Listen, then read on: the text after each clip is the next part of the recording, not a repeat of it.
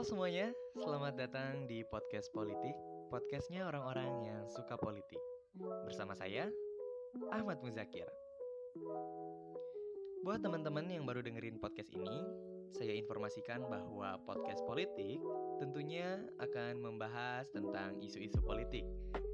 Dan kali ini, saya akan membahas mengenai politik lokal dengan tema Adakah demokrasi pada musyawarah desa?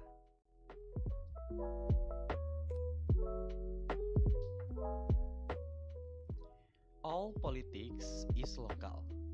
Pernah dikatakan oleh Tip O'Neill pada tahun 1995. Petikan pendapat dari O'Neill tadi adalah kata-kata dari judul buku yang ia tulis bersama dengan Gary Hamel. Gary Hamel adalah anggota Kongres Amerika Serikat yang telah menjabat selama 40 tahun. Dia menjelaskan dalam bukunya bagaimana politik bekerja. Substansi dari potongan kalimat all politics is local tadi bertalian erat dengan keyakinan bahwa politik bukanlah hal yang jauh dari setiap manusia. Justru sebaliknya, politik adalah hal yang dekat dengan keseharian setiap orang. Contohnya, warga di suatu daerah bersuka cita memiliki pemimpin daerah. Meskipun pemilihan pemimpin di tingkat lokal, seperti pemilihan kepala desa. Beranjak dari uraian tadi, tidak berlebihan jika dikatakan bahwa kajian mengenai bagaimana praktik politik lokal menjadi hal yang penting. Politik di lingkup lokal penting karena dalam politik di tingkat lokal, setiap orang dapat lebih mempengaruhi dan saling terlibat ketimbang praktik politik nasional. Kali ini, saya akan secara umum mengulas mengenai praktik politik lokal, yaitu soal demokrasi dalam musyawarah desa memilih kades antar waktu. Studi ini saya fokus pada pelaksanaan musyawarah desa yang akan diselenggarakan akhir tahun ini di tempat saya tinggal, Desa Buah Batu, Kecamatan Bojong Soang, Kabupaten Bandung. Aktivitas pemilihan kepala desa merupakan aktivitas politik yang menunjukkan bagaimana proses demokrasi terjadi di desa. Dalam penelitian Sadu Wasistiono tahun 1993 menyimpulkan bahwa pemilihan kepala desa tidak dapat dilepaskan dari perkembangan dinamika politik yang terjadi di desa. Pilkades tidak semata perebutan kekuasaan atau bagaimana strategi kampanye dilakukan agar mendapat dukungan dari masyarakat desa. Akan tetapi, lebih daripada itu, menyangkut gengsi, harga diri, dan kehormatan.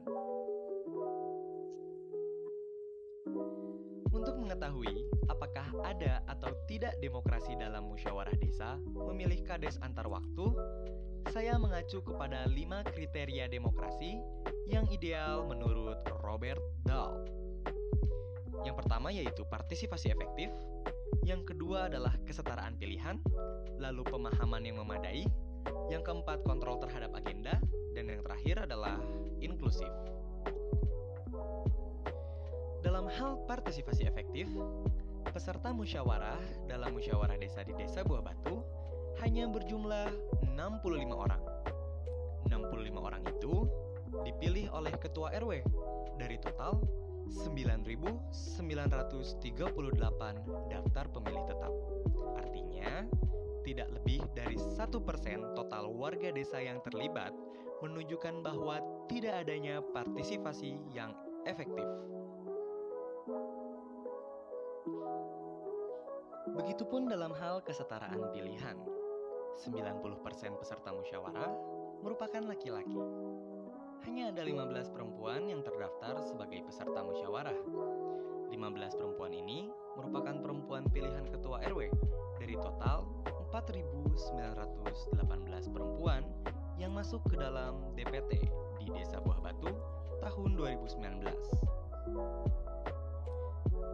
Belum lagi soal kesetaraan sosial, di mana peran orang tua dalam musyawarah lebih dominan dibandingkan para pemuda, karena tidak semua RW melibatkan unsur pemuda sebagai perwakilannya.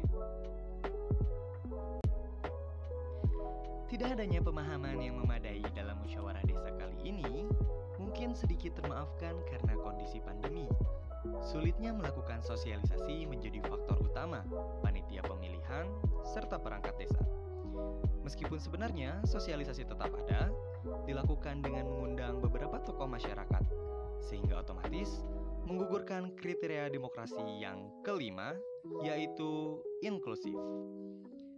Maka akibat dari eksklusivitas musyawarah desa ini adalah tidak adanya kontrol dari masyarakat terhadap agenda.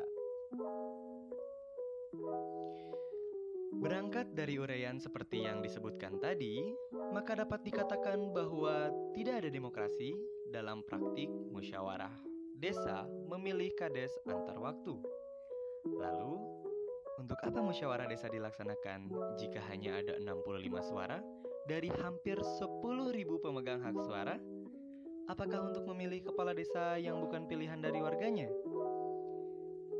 Ini hasil penelitian saya. Sekian podcast kali ini. Sampai jumpa.